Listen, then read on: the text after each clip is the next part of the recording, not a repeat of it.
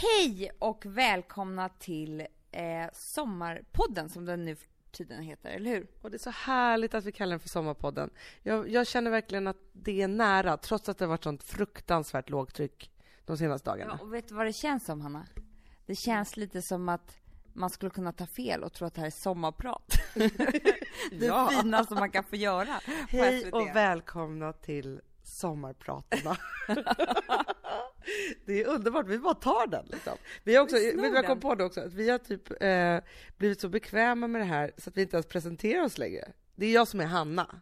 Och jag är Amanda, men det hoppas jag att Gör man det här jobbiga att ta hem på iTunes och så, här, så vet man ju att det är vi nu va? Men jag tänker så att man klickar sig in och så kanske man tror att det är eh, Ann Södlund och Karin Adelsköld som ska prata. Eller Carolina Gynning och Anita Schulman. Ja. Eller Karina Berg och Jenny Strömstedt. Alltså det finns en uppsjö just nu av kvinnliga podcastare kan man väl säga. Verkligen. Men det här är alltså, inga andra är systrar va? Nej. Så det här är systrarna Hanna och Amanda som ni har nu i era öron förhoppningsvis. Och idag ska vi tala om ett ämne som är helt nytt för mig. I alla fall, det är några dagar nytt för mig och några dagar nytt för dig också. Ja, och det är inte bara ett ämne utan här helt plötsligt så har vi fått en diagnos och det är jag så glad för att du har liksom hittat det här. Ja. Det är en vedertagen term i alla fall. Som faktiskt eh, var femte person har i Sverige. Typ. Ja. Och det heter på engelska HSP. High... Gud vad roligt.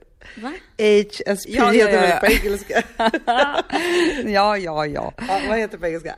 Highly sensitive people, person. Mycket känsliga personer. Högkänsliga kallar man det för. Det är lite som att liksom få en jättestor bajskorv i knät. Jag måste äta, jag skulle kunna ä- börja äta en kudde. Då när jag går på de här dejterna, för det mesta, så spelar jag ju ut, jag lägger fram de absolut sämsta sidorna av mig själv. Som en neurotisk människa skriker jag. Vad fan kan vi inte bara stänga av allihop? Därför jag är så glad för den här diagnosen som vi nu har. Det är ju för att allt det där onda som man har och jobbiga, att det har fått en förklaring. Men det är inte lite så att om man då är en sån här HSPare, om vi ska kalla det för det, så är det ju så att lika mycket gott som det för med sig att man känner en massa saker och man kan bli så här euforiskt lycklig och man har mycket toppar, så har man ju också mycket eh, dalar men också så här, eh, vad ska man kalla så här, Alltså det är lite som att man är hudlös. Så att man får ju mycket skit på sig också och tar på sig andras ångest och det är liksom mycket, lika mycket goda känslor är det som dåliga känslor i omlopp. Ja, verkligen. Och det finns väl säkert tusen handfasta tips. Som den här Elaine, eh, vad hon nu heter, eh, den här eh, psykologen som har skrivit böcker om det här. Hon har skrivit massa, massa tips och det ska vi ta reda på vad det är för någonting. Får jag fråga, Men- har du ja. pratat med din psykoterapeut om det här? Nej, jag har inte hunnit. Jag är i sommarlov. Åh, gud vad spännande. För man vill ju också höra om hon tycker att det här är en bra grej eller inte. Att den här liksom finns och att det är någonting som man kan liksom verka efter. Men jag, jag måste säga en sak eh, som vi faktiskt tror jag tog upp i förra eller förra, förra podcasten. Som har varit ett stort problem för oss den här våren. Som jag tror tyder jättemycket på att vi har HSP. Vadå? Vår migrän. Och den är så fruktansvärt jobbig. Den är ju hemsk och den är eh, psykosomatisk. Heter det så? Ja, så heter det. Ja. För oss. Så fort det blir stressigt, jobbigt, vi måste ta ansvar för någonting som är, handlar om eh, känslosamma saker. Alltså, när det blir tungt i sinnet, då, uttrycker sig det hos båda oss som migrän. Ja. Och det är ju verkligen inte roligt. Nej, det är inte ett dugg kul. Och det är också så här, när man också vet att det är psykosomatiskt, så blir man ju verkligen också så här irriterad på sig själv. Det blir så här, när jag får migrän, jag vill liksom slåss med mig själv mot den här, att det är så här, att jag inte liksom, att jag låter mig själv, eh, alltså så här, jag, alltså gå på den här maxgränsen som gör att, det liksom, att, att man får ett anfall.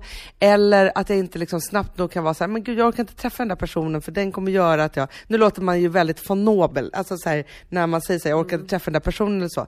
Men så kan det ju faktiskt vara om man är en sån här HSP-are, att man träffar en person som är väldigt så öppen och mycket och mot, alltså så, så är det som att dens ångest sätter sig på en och så, så går man själv omkring med den. Ja, det finns, ju, det finns ju olika slags människor som är jobbiga att träffa om man har HSP. Det ena är egentligen de som, ja, med andra ord man kan kalla energitjuvar. Som bara tar eh, ens inre ifrån en. Förstår du vad jag menar? Som, som bara gräver stora gropar och hål i, i hela liksom, innanmätet och tar med sig det hem. För jag, för jag tänkte faktiskt på det, för jag, det, när jag träffade Babben, som var med, hon var ju med i Schulman show och det var en underbar människa. Hon har ju varit gravt utbränd. Jag tror ju att hon är en typisk HSP-are. Ja. För hon har varit jätteutbränd i situationer i sitt liv och det var ju ungefär alltså, tio år, på, på tio år som hon inte kunde ens göra en ståuppshow. Hon gjorde massa andra saker och var verksam och så. Men för att hon inte klarade av det här. Och när hon hade en stor boksignering eller om hon har hållit ett föredrag så frågade Alex så här, men är det inte jättemånga människor som kommer fram till dig och ska prata och så här. Hon bara, jo men de som gör det, som är så här, ah, hej jag tyckte du var så bra, jag kände igen mig i det här och det här. De är inte jobbiga. Sen finns det de som är riktiga energitjuvar och det är de som kommer när alla de här pratar klart lite så här, har du två minuter för jag är lite speciell och jag behöver prata med dig om någonting. Jag vet Hon bara, precis. de är fruktansvärda. Och hon bara, och då, jag har lärt mig att säga bara så här, nej tyvärr, du får inte prata med mig. Hon, hon gör det. Ja. För att jag kommer ihåg det här så väl, nu har jag inte skrivit någon bok, eh, så jag har inte haft några boksigneringar, men jag har haft ett café. Där kunde man se, det, det stod en kö med människor och skulle beställa kaffe, sallad, bulle, vad det nu än är. Och så är det så här, hej kaffe, bulle, 32 kronor. Alltså du vet, man höll på, det går fort. Sen kommer det en människa, och det här var ju fler varje lunch, som, som ofta pratar ganska tyst. För då får man ju väldigt mycket uppmärksamhet. Alltså då måste man lägga så mycket energi på den här personen.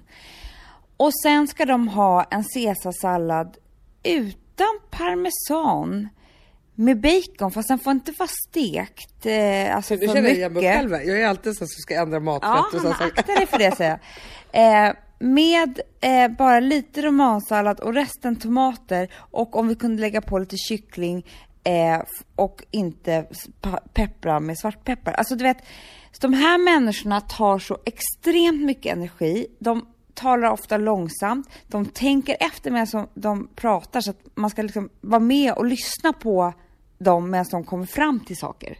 Förstår du? Ja, jag förstår. Och de kan ta så extremt mycket energi. Men de här energitjuvarna också, alltså antingen så kan de ju ta energi för att de eh, är på det sättet. Eller så kan de ju hämta från en själv. Du vet, ställa 20 frågor på en sekund. Alltså för att de- orkar inte ta, ta, eh, ta från sig själva för att de har ångest eller vad det nu är. Så de ska ta jag, från någon annan. Ja, men jag har också ett solklart exempel på någonting som, alltså det kan trötta ut mig på ett helt otroligt sätt. Och det är ju de som är så här, man, så här, det kan vara kompisar och så säger man så här, okej, nu vi ska åka på, vi åker och solar på torsdag, eh, på, till en badstrand. Då börjar det, istället för att det bara är så här, ah, okej, och det är tisdag, det är så här, ja men vi hörs på torsdag morgon och så bestämmer vi vart vi ska åka och, och, och hur det ska se ut. Då börjar det så här. Ha, vad ska vi åka? Ska vi packa? Kommer du ordna bilen då? Hur ska det här vara? Hur är det? Eh, kommer du ha med bikini? Vem ska laga maten? Kan du ordna? Och så bara lägger det över liksom. Så helt plötsligt så har man en att göra-lista som är liksom högre än det här bara otvungna härliga, vi ska åka och bada på torsdag. Det Eh, ställs en massa krav på en. Ja, men också i den här planeringen som gör att så här, jag ska lösa deras egna hjärnproblem i att liksom så här, få ihop den här logistiken, eh, lugna sinnet och få ihop alla de här sakerna istället för att de gör det själv och vi gör det här på torsdag. Men det är ganska direkt taskigt att göra så för att det läggs över så otroligt mycket på andra människor. För det är också lite de här energitjuvarna som man har som är så här, där man hela tiden ska utföra tjänster åt andra människor. Som om man inte hade nog med sitt. Och då är inte jag emot, det är klart man kan göra en och annan tjänst. Det är bara det att när det blir så här krävande så att det känns som att, att alltså så här, man ska alltid göra den där tjänsten, då blir det ju för mycket.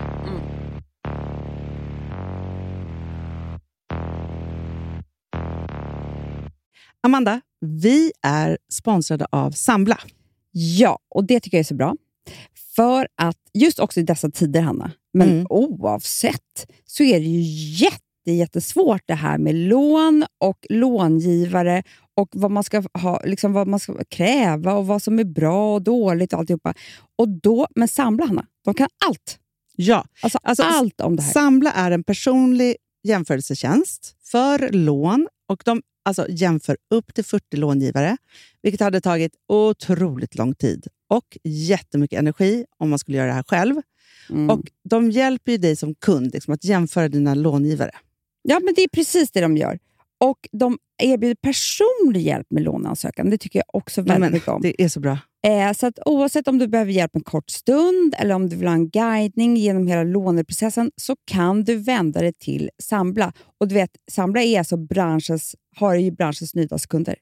Fem stjärnor och 24 000 omdömen på Trustpilot. Då har man gjort ett bra jobb kan man säga. Mm. Så är det. Hörrni, in på sambla.se och ansök.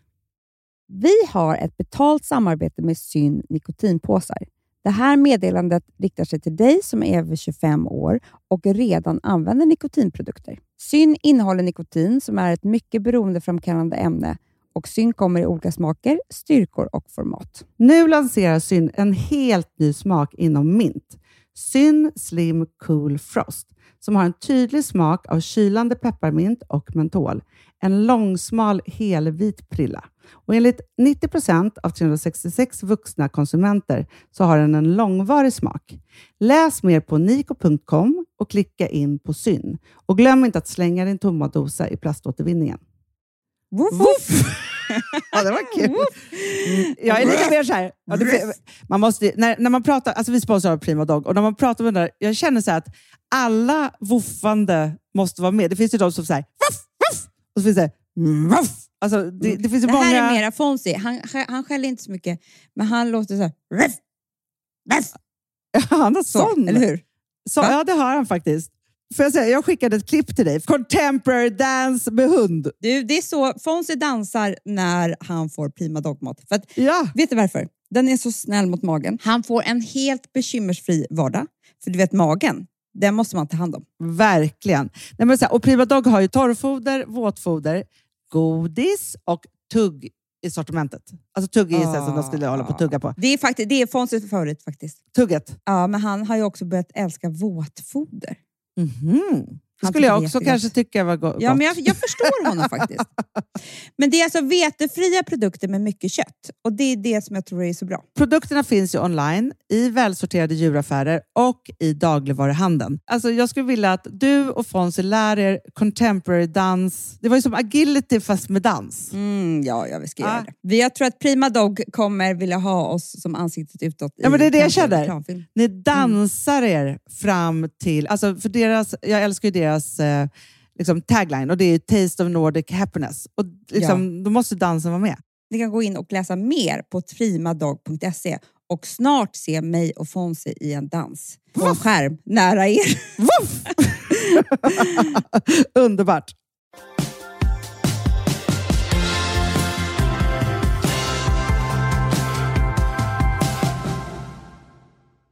Jag och Alex skulle äta lunch med två kompisar och vi kommer hem till dem, till deras lägenhet och hela känslan i den här lägenheten är, ehm, det är inget bra mellan dem. De, de har varit ute på fest, ehm, han ville så öppna en flaska vin ganska tidigt på lunchen.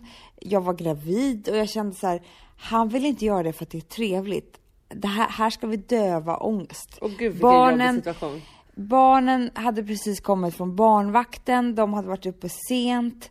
Eh, de försökte hålla, alltså, hålla masken för de har fortfarande inte erkänt för sig själva eller för eh, varandra att det här kommer, vårt äktenskap kanske inte kommer hålla och jag flörtade med någon annan. Alltså det var så mycket smuts i det här paketet. Och fortfarande så skulle vi vara så här, och när, när det blir barn inblandat så blir det genast eh, ja men då kan man inte, annars skulle man kunna öppna den där flaskan vinen och, och vinet och så hade det varit en annan grej. Men när det är barn och det ska dricka saft samtidigt och det ska vara något så här.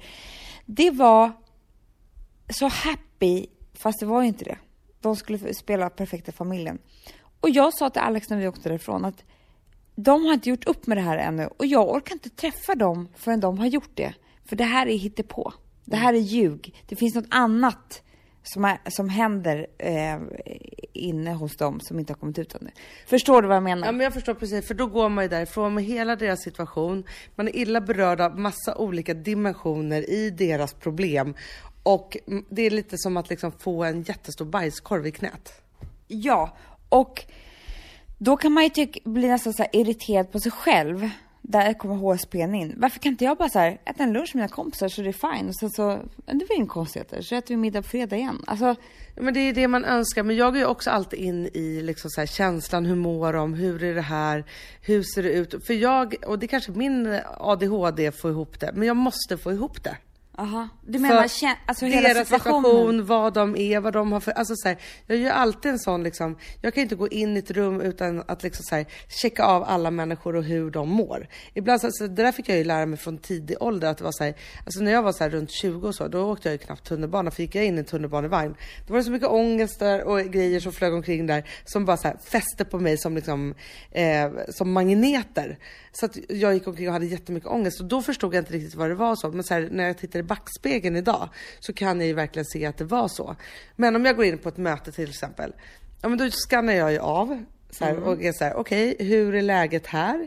Hur mår ni? Och så. Vi var ju faktiskt på ett möte i veckan där vi pratade om det här efteråt. Då vi kom in i en mötessituation som blev lite knasig för att det var lite ombokningar, hitbokningar och ditbokningar och Och så. det var en man och en kvinna Ja. som vi skulle ha möte med. Och man kände så här, de kanske, de var i en, en situation där de hade kanske precis haft en diskussion eller någonting. De var inte riktigt överens i det här och jag mötet. tror kvinnan i det här mötet också hade haft en shitty helg.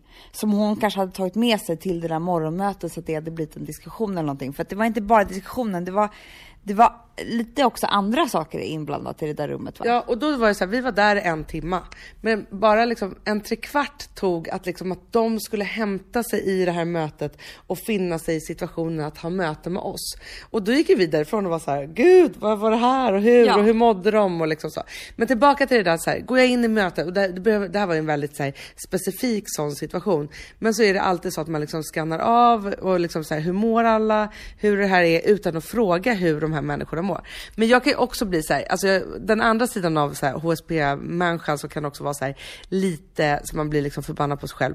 Det är ju det här också att jag kan ju också så här, överjobba det här. Och så kan jag ju då fråga så här, gud men det måste varit någonting och något hade hänt. Och så ställer jag den frågan i rent så här, gud hur mår du syfte? Och bara, nej men absolut ingenting. Och då blir jag så här, of, men of, det som är intressant då, att ofta säger jag så här, jag bara, nej gud, ja det är bara jag som hittar på.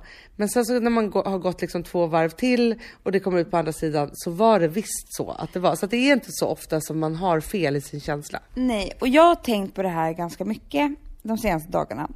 Och då är det så att vi växte upp faktiskt med en pappa med ett, ett humör.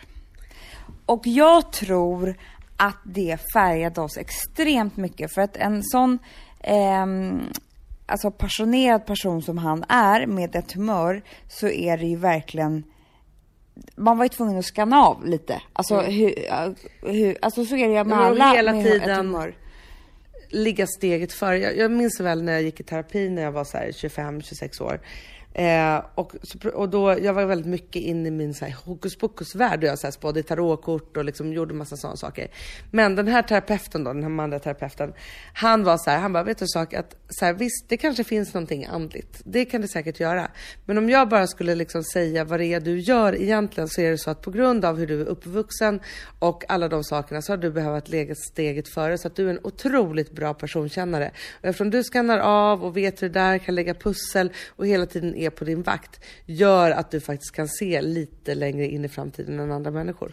Och det tror jag verkligen på. Och jag tror att det stämmer väldigt eh, bra överens med eh, missbrukarbarn också. Som uppväxer i familjer där föräldrarna har något, eller någon av dem något sorts av missbruk. För där, de måste ju också ligga steget före och känna av hela tiden. Vad kommer hända nu?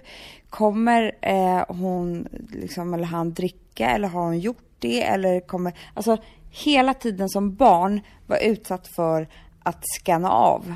Det tror jag inte är speciellt bra och det tror jag, alltså det önskar man egentligen ingen. Men nu får vi väl ha den här HSPn då och försöka göra något bra av det. Men tror du att HSP är en, en liksom det sociala arvet av att ha haft en familjesituation som gör att man är tvungen att vara extra känslig? Jag tror det. Jag kan älska att man är en HSB-are på många, många sätt. Men jag kan också vara avundsjuk på, jag har jättemånga kompisar som jag ibland låtsas att jag är när jag är i vissa situationer som är så här huvudet upp och fötterna ner och sen ringer med med det. Alltså så här, Nej, man går in i situationer, man älskar dem. Så att ofta så är det så, och där, det, det har jag faktiskt eh, pratat med henne om, så det kan jag säga. Men ofta när jag ska liksom eh, ringa ett jobbigt samtal eller att jag har dåligt samvete eller när jag har tackat ja till för många saker, måste göra någon besviken eller så här. När jag måste vara rakare människa och liksom så här, göra så. Då låtsas jag att jag är Gry Forssell. Nej! Jo, för att vi jobbade tillsammans i början av eh, 2000-talet eh, som ett programledarpar. Ja, Ungefär som du och jag, fast det var jag och Gry. Eh, så. Och då så eh, var vi på en eh, inspelning, vi var i Afrika. Eh, och då blir man ju väldigt tajta liksom, när man reser tillsammans, man umgås så här varje dag liksom 24-7 i en månad. Liksom, så här, man, man lär ju känna varandra. Och jag var ju så här, och då, då jag gav mig in i en relation där som var liksom, ja det var jättemycket och så var jag så här, jag bara, men hon bara, ja ah, men Hanna hur är det nu då? Hon är så här norrländsk Ja, också. så här. Jag bara, ja ah, men alltså det är så jobbigt, jag vet inte om jag är kär och det är si och så, vad ska jag göra och, och tänk om jag måste göra slut och så här, en HSP-are. Mm. Hon bara, vad känner du idag? Jag bara, vad menar du? Är du kär idag? Jag bara, ja jag är kär idag. Hon bara, vad bra. Och om du inte är det imorgon får du väl göra slut. Och annars får jag fortsätta. Då kände jag bara så här, så vill jag också Så vara. enkelt. Ja, eller som så här, om man har snurrat in sig så här, man har liksom, man ska träffa två kompisar fast det går inte så här. Istället då för att vara så här, gud hur ska jag liksom ta mig ur det här och ska jag säga si eller så. så här, man blir lite småljugare för att man har så jävla dåligt Ja. samvete. Man blir en ganska dålig person av det. Då tänker jag bara så här, vad skulle Gry sagt? Och då skulle hon sagt så här, hej, det har blivit jätteknasigt, jag har dubbelbokat. Nu är det så att jag måste träffa den här andra personen, kan vi boka om? För så enkelt kan det ju Ja, vara. jag vet. Men Jag- där är inte jag eh, liksom innan det där samtalet. Jag låtsas lite i jobbsammanhang att jag är Jem Geter, vår gamla kollega. Han kan i och för sig ha lite mer ångest än så, men han kan också vara så här, nej, då måste jag ringa och säga det här att det här Han funkar är, inte. alltså, det måste jag säga eftersom jag också känner honom väldigt väl. Han är den ärligaste människan Ja. jag känner. Han säger alltid sanningen. Jag vet, men, och han har väl bestämt sig för det eller någonting. Och då har man, för då slipper man i alla fall, sanningen kan vara jobbig, men då slipper man i alla fall eh, så här, hitta på de där lögnerna som man sen får också en ångest av och så hålla på. Ja, för han det bara minns jag kör. sen när man har pratat, eller man är såhär, ja ah, men gud hur ska vi göra det och ska vi ringa till de där och säga si eller så. Han bara, nej men jag ringer och säger som det är. Man bara, Vadå, Ja, kan man göra det? Låter som du och jag är två ljugapor här, kan man ju säga. Men vadå, och vad gör du då när du är jämgeter? Har du något bra exempel på det? Eh, nej, men, nej men just i jobbsammanhang, men man, jag skulle kunna ta över det här i den privata situationen också, men jobbsammanhang så eh, försöker jag att vara så här, men han skulle väl bara skrivit det här mejlet att det här funkar inte på det här viset, utan det här måste vi göra så här och då gör vi så, hej då. Alltså han, han är ju rak och ärlig. Kan man säga att det är i Perfect Day så är det Gry Forssell och jämgeter som jobbar ihop? Inte Anna och Amanda.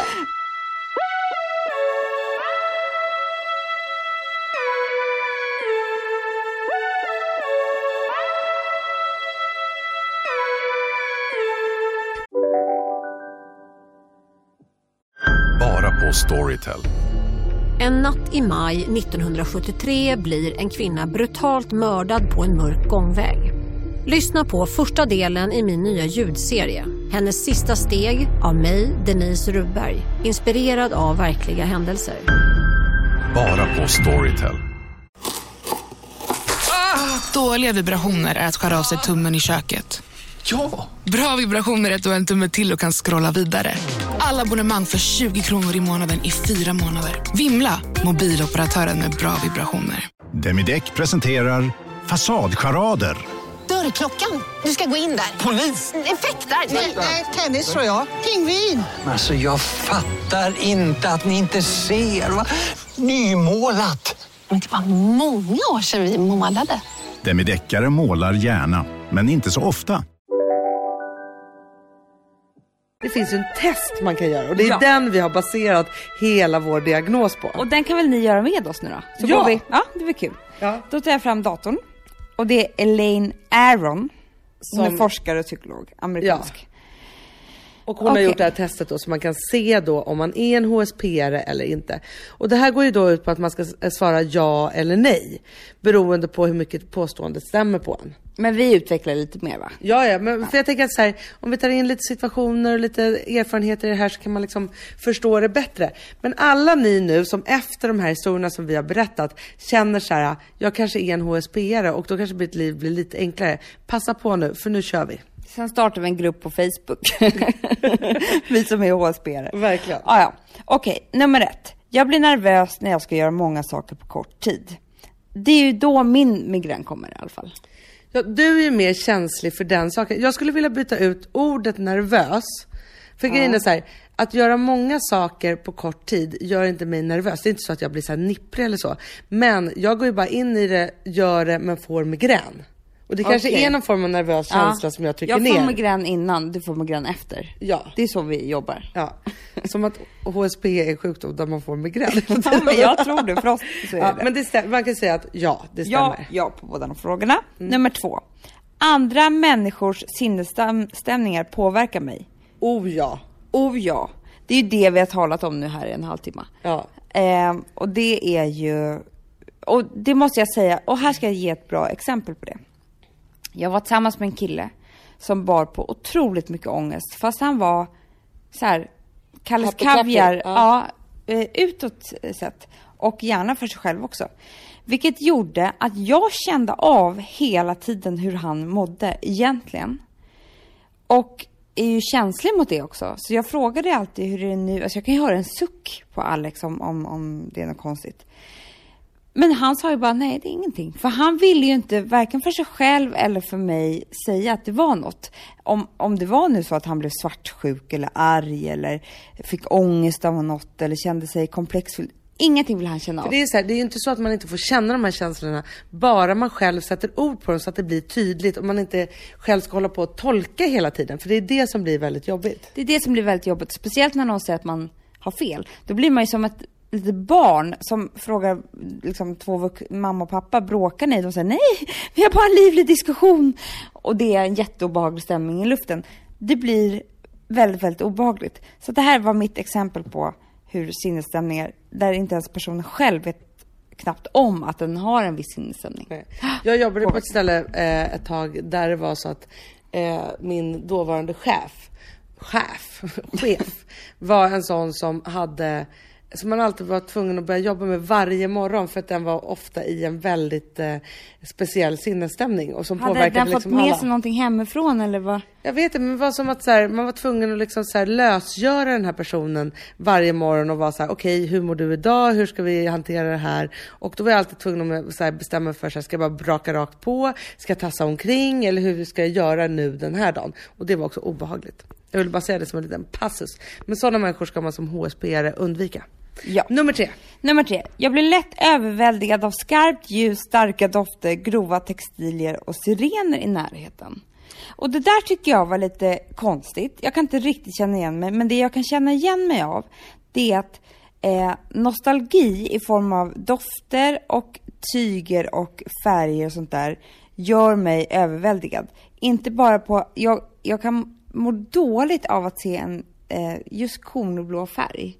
Eh, för att Ja, det, men alltså, det är grejen någonting så här, för mig. ja, men fast Amanda, om vi bara ska tolka det här på riktigt, som vi brukar säga så här, om vi ska gå på lägenhetsvisningar. du vet hur det är.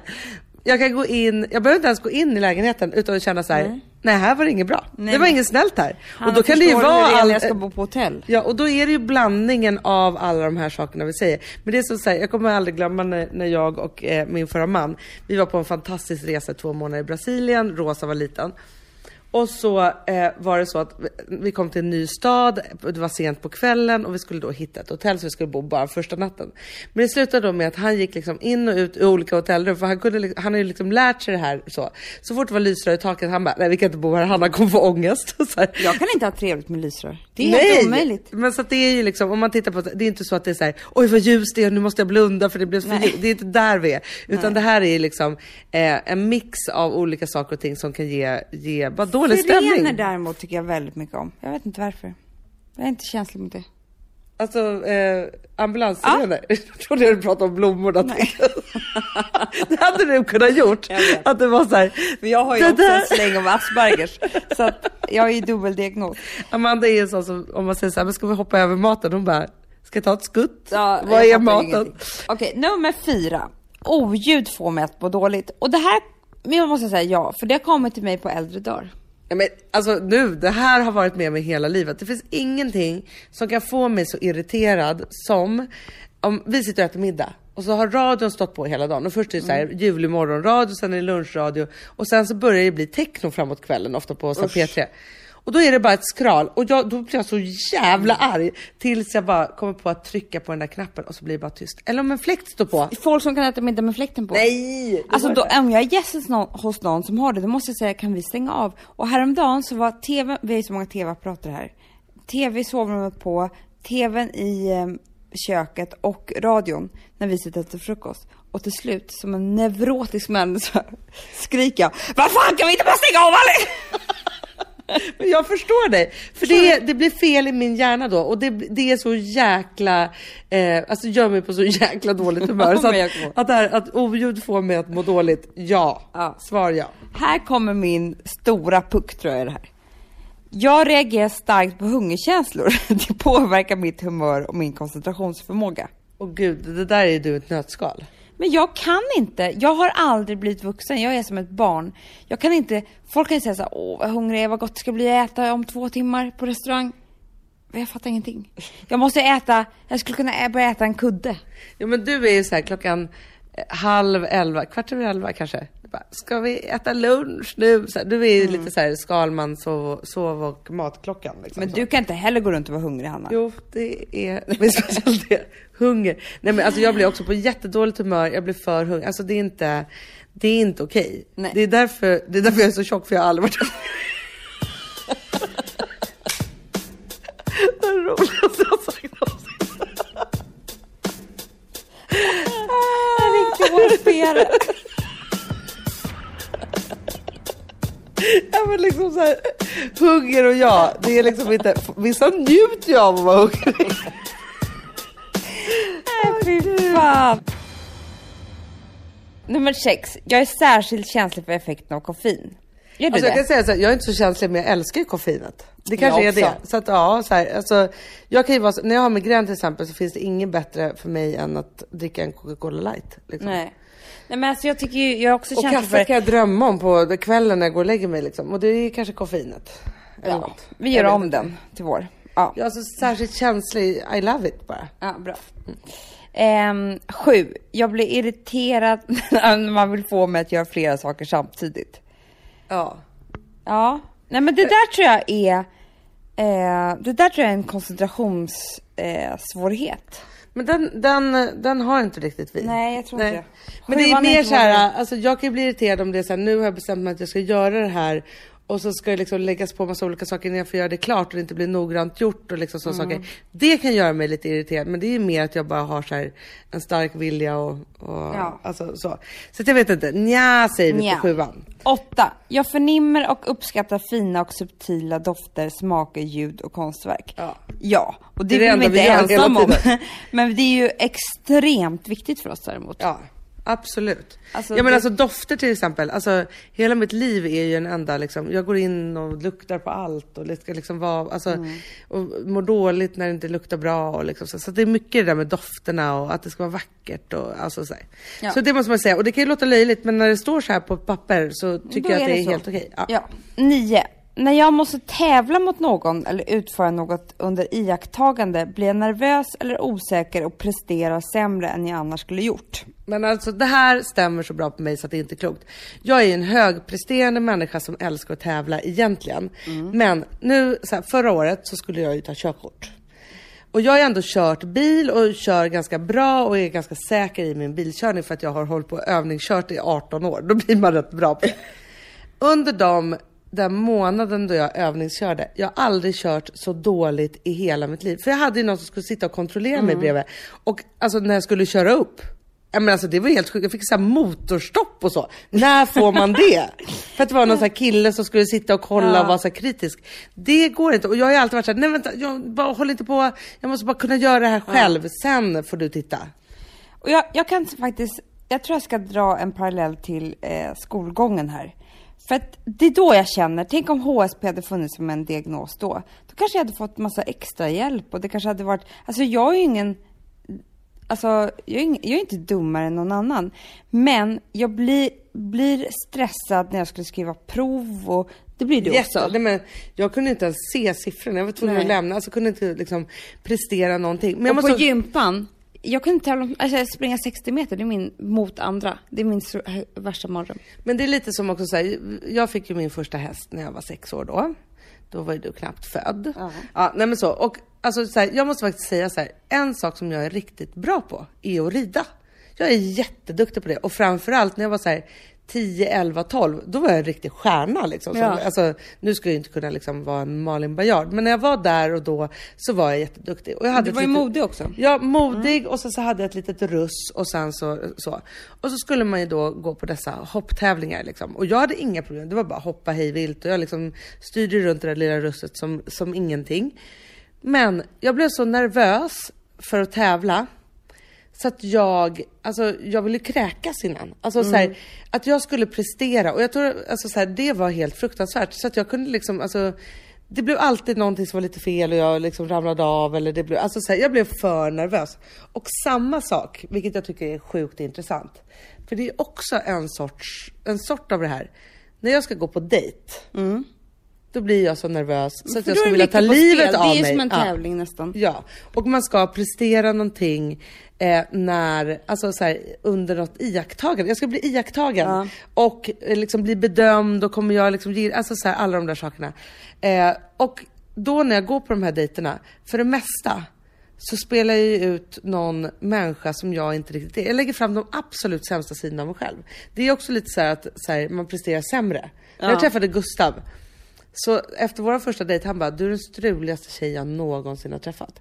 Och grejen är så här, för jag målade upp mig själv som att jag inte hade koll på någonting och allt var upp och ner. Och det var så här, då jag är ju en kontrollmänniska med väldigt stor koll Han på köpte mina grisen grejer. i säcken kan man säga, fast tvärtom. Ja, men det var väl tur att han orkade gå på dejt 4, 5, 6 och 7, 8 Ja. och mm, 45 också. För att annars så hade inte vi, annars hade han bara varit så här, kul tjej, hon var jäkligt strulig men kanske inte någon man ska leva med. Men ett jättebra exempel för mig som inte lika kanske känslosamt, men det här med att tävla, det är eh, när folk ska spela spel. Mm.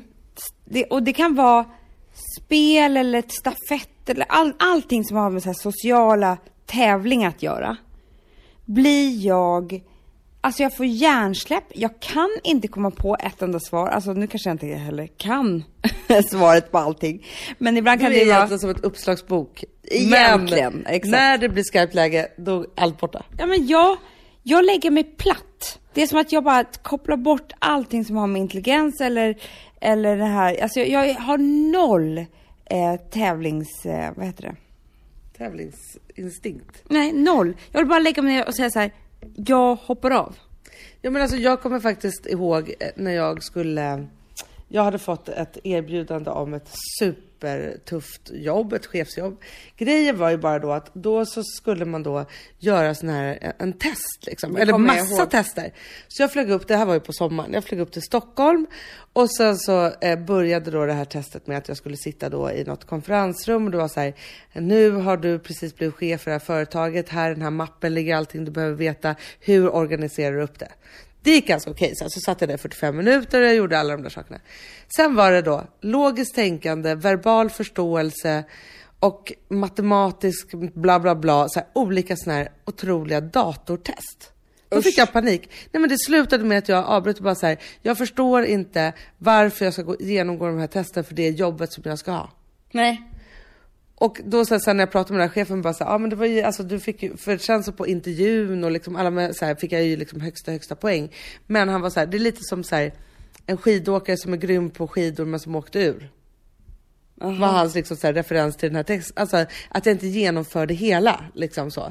Så att det är så jag fick jättebra betyg men man vet ändå inte riktigt hur det slutade.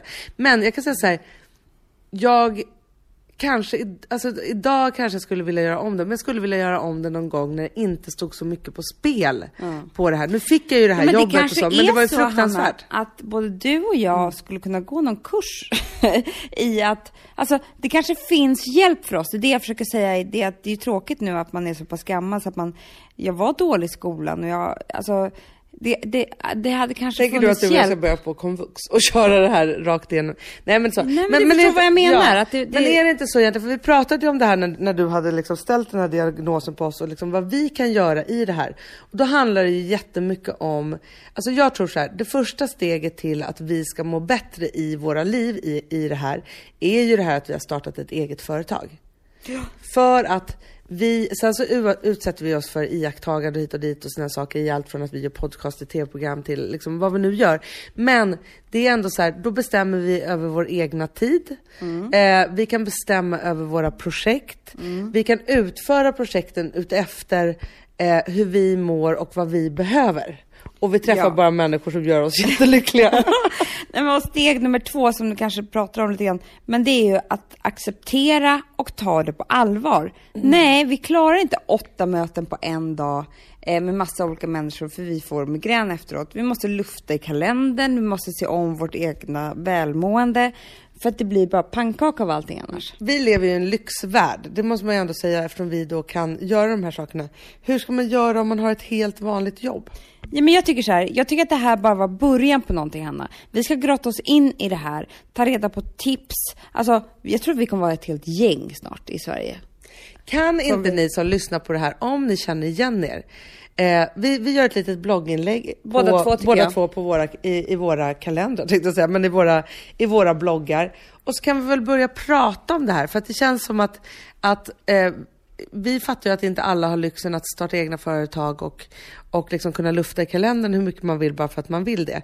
Eh, utan att vi vill ju att, att alla HSP ska kunna ha det så bra som möjligt på alla fronter, vilket jobb man än har. Och vad man och då, ska göra vi, för att ha det. Vi ska ta reda på massa saker, men vi kan också hålla på och tipsa varandra. Det är väl jättehärligt? Det tycker jag är toppen. Blogginlägg i samma sekund som vi lägger ut podden. Ja. Vi Idag. diskuterar, tipsar varandra och sen när vi hörs nästa vecka, då är vi på Gotland. Det är vi. Ha det bra, alla HSB-are där ute och alla ni andra också. Ja, och jag tror att alla har en släng av HSB. Ja. Ja. Puss och kram.